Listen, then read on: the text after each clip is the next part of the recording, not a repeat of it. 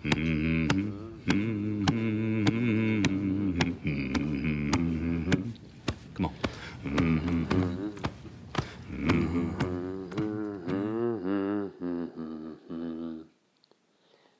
dobry.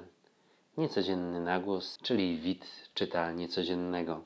Swoją drogą powinienem dodać niecodziennie. Dziś o tym, czy zwracamy uwagę na to, co trzymamy w zasięgu ręki.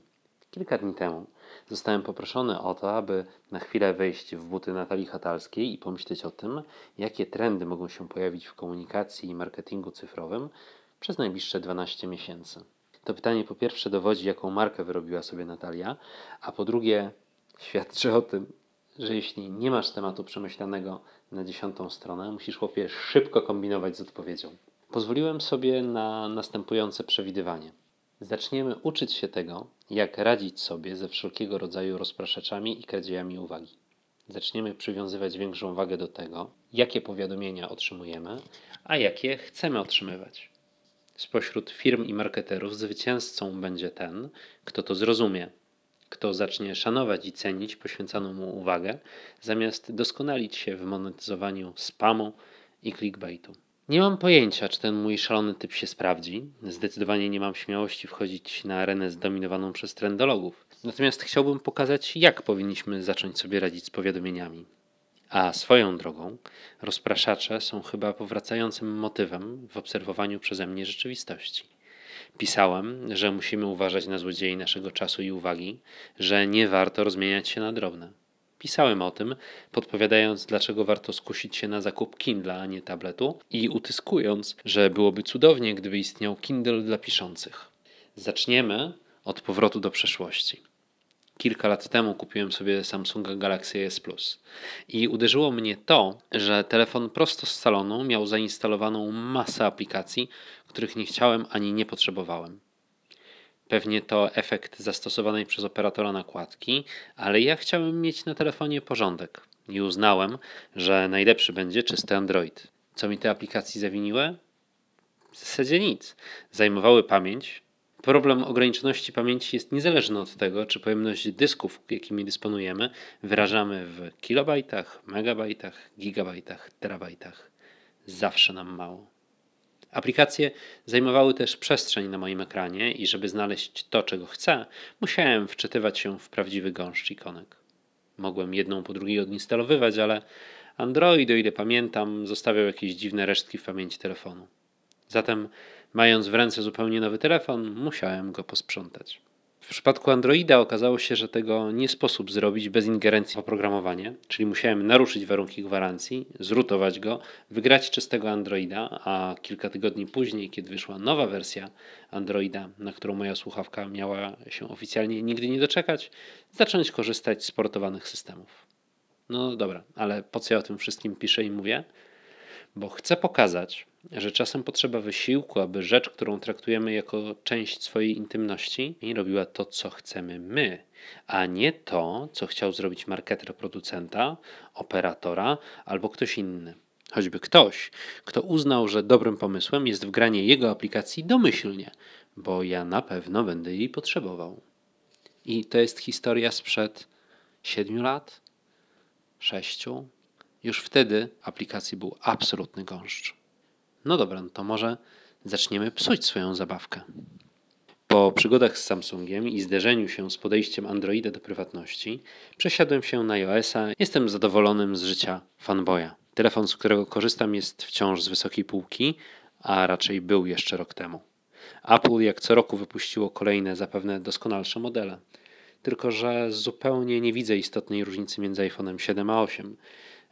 X czy 10 jest tylko formą czy ja wiem, pokazówki, tak ją, tak ją rozumiem. I kiedy mówię, że nie widzę różnic, nie mówię, że ich nie ma. Mówię, że ja ich nie zauważam. Albo nie chcę zauważać, bo wtedy musiałbym wydać całkiem sporo na nową słuchawkę. W każdym razie mam telefon, z którego jestem bardzo zadowolony, ale czuję też, że kradnie mój czas i moją uwagę. Oczywiście powiadomieniami, które starałem się już jakiś czas temu ograniczać i nie pozwalać każdej aplikacji krzyczeć do mnie, kiedy tylko jej się spodoba.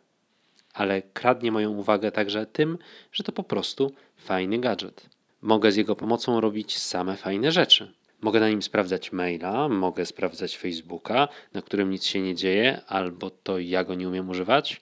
Mogę pograć sobie w gry albo pooglądać filmy na śmiesznie małym ekranie. Mogę sprawdzić jakość powietrza. Czasem mam wrażenie, że na mojej komórce mogę wszystko. O czym pisałem choćby jakiś czas temu, pisząc, że mamy już rok, a może nawet czas mobile. Tylko, że wszystko, co mogę na telefonie, oznacza, zabijam na nim czas, którego nie mam. To znaczy, mam, bo go zabijam, ale jego zwyczajnie głupio trwonie. Robię to dlatego, że jest to. Robię to dlatego, że mój telefon to jest fajna zabawka. Cacuszko, gadżecik. Ładny, kolorowy, miło się go trzyma w rękach i ma takie fajne kolory. Jest ze mną w domu, w pracy, na spacerze, w podróży, nawet w toalecie. Jest ze mną, gdy zasypiam, jest ze mną, gdy się budzę. Może i nie jest szkodliwy, w tym znaczeniu, że nie funduje mi raka, ale na pewno jest wszędzie tam, gdzie ja, jak nikt inny. Może, żeby się od niego uwolnić, trzeba go sobie troszkę obrzydzić? Krok pierwszy. Wylot z sypialni. Mój telefon nie ma wstępu do sypialni. Nie jest ostatnim przedmiotem, na który patrzę przed zaśnięciem. Nie jest pod ręką w ciągu nocy. Nie jest wymówką, żeby przed spaniem sprawdzić, co tam jeszcze nowego się dzieje. Nigdy nic się nie dzieje, ale zawsze jest okazja, żeby to sprawdzić. To, że telefonu nie ma w sypialni, nie oznacza żadnej straty, żadnego bólu. Równocześnie nie zmienia to bardzo mojego zachowania. Nie cierpię z tego powodu, ale też nie zaobserwowałem żadnych znaczących efektów tego, że on jest poza sypialnią. No, ale niezmiennie dobrze mi z myślą, że zasypiamy osobno. I tak, telefon jest wciąż jedną z pierwszych rzeczy, po które sięgam, kiedy się budzę. Mając wciąż zaspane oczy, człapię przez przedpokój, sięgam po niego, żeby sprawdzić, czy może przypadkiem w nocy ktoś zrobił coś wartego mojej uwagi. Hmm, nigdy nikt. No ale tego nawyku jeszcze nie udało mi się okiełznać. A co z budzikiem? Co z budzikiem? Nie używam. Może dlatego, że nie muszę. Nie mam pełnej kontroli nad tym, o której wstaję, ale budzik i tak był tylko po to, żeby przestawić go w tryb drzemki i jeszcze 9 minut, jeszcze 9 minut. Natomiast ja zacząłem się budzić i tak wcześniej niż muszę. Do wczesnego wstawania wracam falami i mam nadzieję, że kiedyś wejdzie mi to w mocny, codzienny nawyk, bo to zwyczajnie fajne jest. Bez budzika często budzę się koło szóstej, czasem przed szóstą i wtedy decyduję, czy zaczynam dzień, czy jednak dam się jeszcze przez chwilę otulić poduszce. Podobno to działa także w ciągu dnia.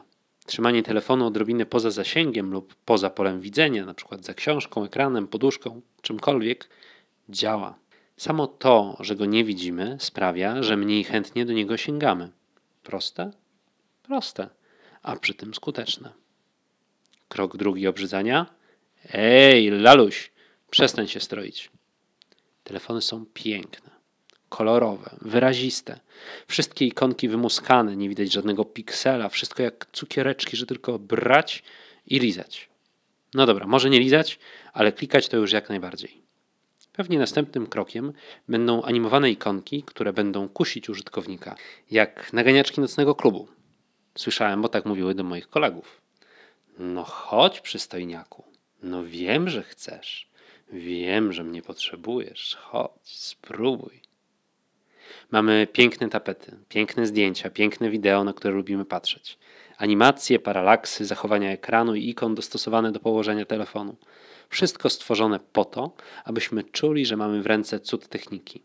I mamy cud techniki, tylko że jego podstawową funkcją jest być narzędziem komunikacji, a nie zjadaczem czasu.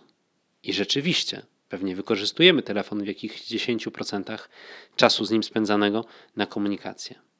Ale cała reszta to zabijanie czasu w oczekiwaniu na to, aż ktoś się do nas odezwie, albo my będziemy mieli powód do tego, aby odezwać się do kogoś. Zresztą, sprawdź sam, sama, co zjada baterię Twojego telefonu. Stawiam tezę, że telefony służą nam do zabijania czasu oczekiwania i robimy to chłonąc ferie barw. Czego ja się uczepiłem tej kolorystyki? Bo iPhone w estetyce czarno-białej jest mniej sexy, mniej kuszący. Nagle rzeczywistość jest bardziej kolorowa od niego. I o to chodzi. Przypomnieć mu, gdzie jego miejsce, gdzie jego rola. On nie jest po to, żeby do niego wzdychać. On jest do tego, żeby z niego korzystać, żeby go używać. Więc mój telefon jest w zasadzie czarno-biały, bo ja tego chcę. Poprawka jest raczej w skali szarości. I można to zrobić dość prosto, jednym ustawieniem, które jest dość mocno w systemie schowane. Aby Twój iPhone był brzydszy i w skali szarości, musisz wejść w ustawienia, ogólne, dostępność, udogodnienie ekranu, filtry barwne i tam zaznaczyć skalę szarości. Tak, i od tej pory Twój telefon będzie brzydszy. Swoją drogą, ciekawostka. E, co prawda, ja patrząc na telefon widzę wszystko na szaro, ale jak zrobię zrzut ekranu, to on jest zapisany na kolorowo. O czym dowiaduję się dopiero, kiedy chcę go wstawić do wpisu. Bo tak, we wpisie są ilustracje, jak rzadko kiedy. Po włączeniu tego ustawienia ekran dzisiaj wygląda równie szaro jak wszystko inne na telefonie. No dobra, tylko dlaczego ja mówię o ekranie dzisiaj, a nie ten, który znamy wszyscy, gdzie są wszystkie ikonki? No bo krok trzeci obrzydzenia sobie telefonu brzmi: A idź pan w cholerę z tymi wszystkimi wodotryskami.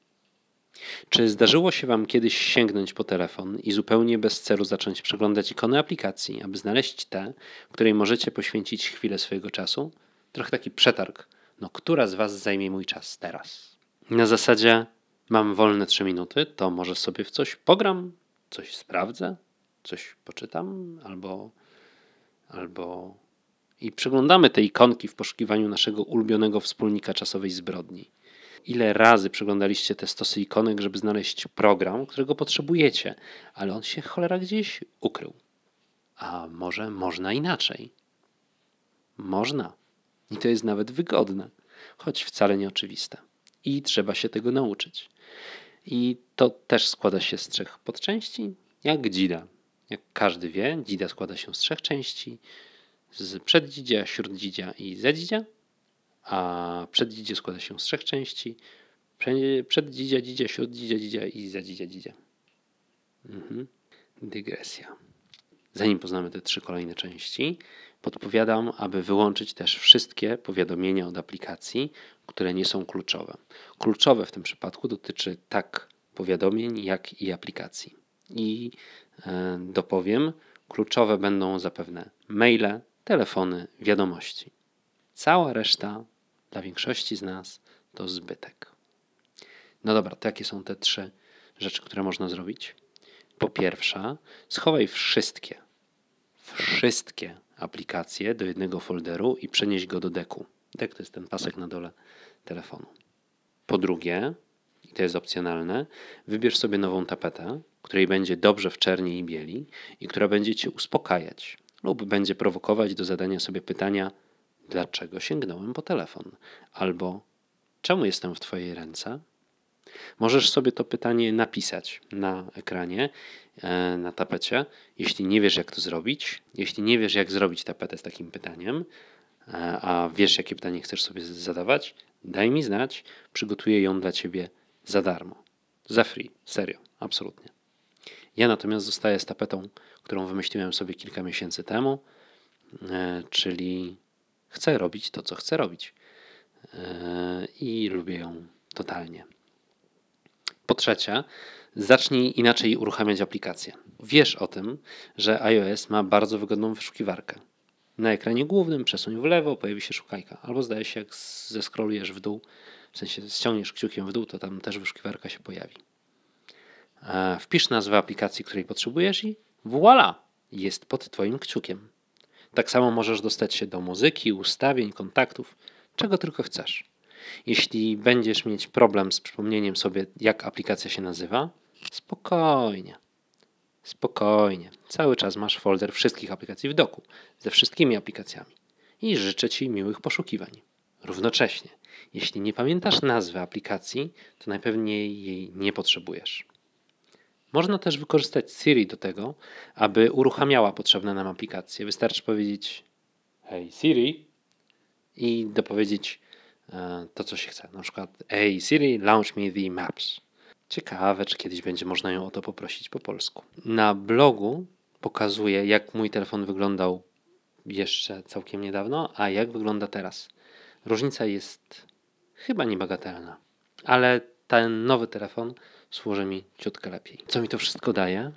No, daje mi to, że rzeczy, które zabijają mój czas, schowałem o kroczek lub dwa dalej i znacznie trudniej mi po nie sięgnąć. I ciebie też do tego zachęcam, bo dzięki temu dążysz do tego, aby korzystać z telefonu wtedy, kiedy to naprawdę zasadne, a nie wtedy, kiedy yy, no, mam chwilę na odwrócenie uwagi.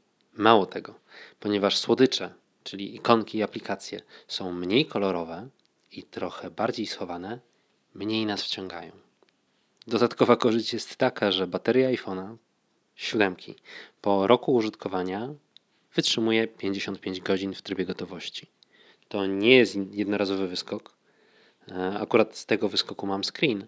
Natomiast te 55 godzin to nie jest tak, że telefon sobie leżał i go nie używałem. On był w użyciu 8 godzin 24 minuty. 55 godzin, ponad 2 dni. Ja się źle czuję, jak mój telefon nie jest w stanie przeżyć 24 godzin. Zwykle staram się, żeby przeżył około 40 paru. E, czy to, co proponuję, jest rozwiązaniem wszelkich bolączek? Skądże znowu? To ledwie kroczek do tego, aby żyć ciut spokojniej. Odzyskiwać kontrolę nad tym, komu i czemu pozwalamy zabierać naszą uwagę. Tak wiele rzeczy jest na wyciągnięcie ręki, i ta możliwość wcale nie musi być dla nas tak korzystna, jakbyśmy sobie tego życzyli. Dajemy się wodzić za nos ludziom, których celem jest stosowanie wszelkich możliwych trików, abyśmy skupiali się na tym, co mają nam do powiedzenia, co mają nam do sprzedania. Nie dajmy się. Spróbujmy być odrobinę bardziej świadomi, odrobinę mniej jechać na autopilocie. A skoro mamy problem z tym, aby powstrzymywać się przed sięganiem po słodycze, które nam podtykają, spróbujmy je trochę schować. To naprawdę wystarcza. A ty, drogi słuchaczu, droga słuchaczko, zwracasz uwagę na to, jakie otrzymujesz powiadomienia? I ile na Twoim telefonie jest aplikacji, których nie potrzebujesz? A może znasz kogoś, komu moje podpowiedzi mogą pomóc uwolnić się od telefonu, który jest wiecznie w ich ręce, choć wcale tam być nie musi. To już koniec na dziś. Bardzo dziękuję za to, że poświęciłeś, poświęciłaś mi swój czas. E, bardzo to dla mnie cenne. Jak zawsze zachęcam Cię do tego, aby czynić innym dobry dzień. Słowem, gestem, uśmiechem, życzliwością. Zachęcam, by robić to z pobudek czysto egoistycznych, ponieważ jak karma, to wraca. Życzę Ci też bardzo dobrego dnia, a kto wie, może także i dobrej nocy. Ja wracam do mroczenia. Mm-hmm. Mm-hmm.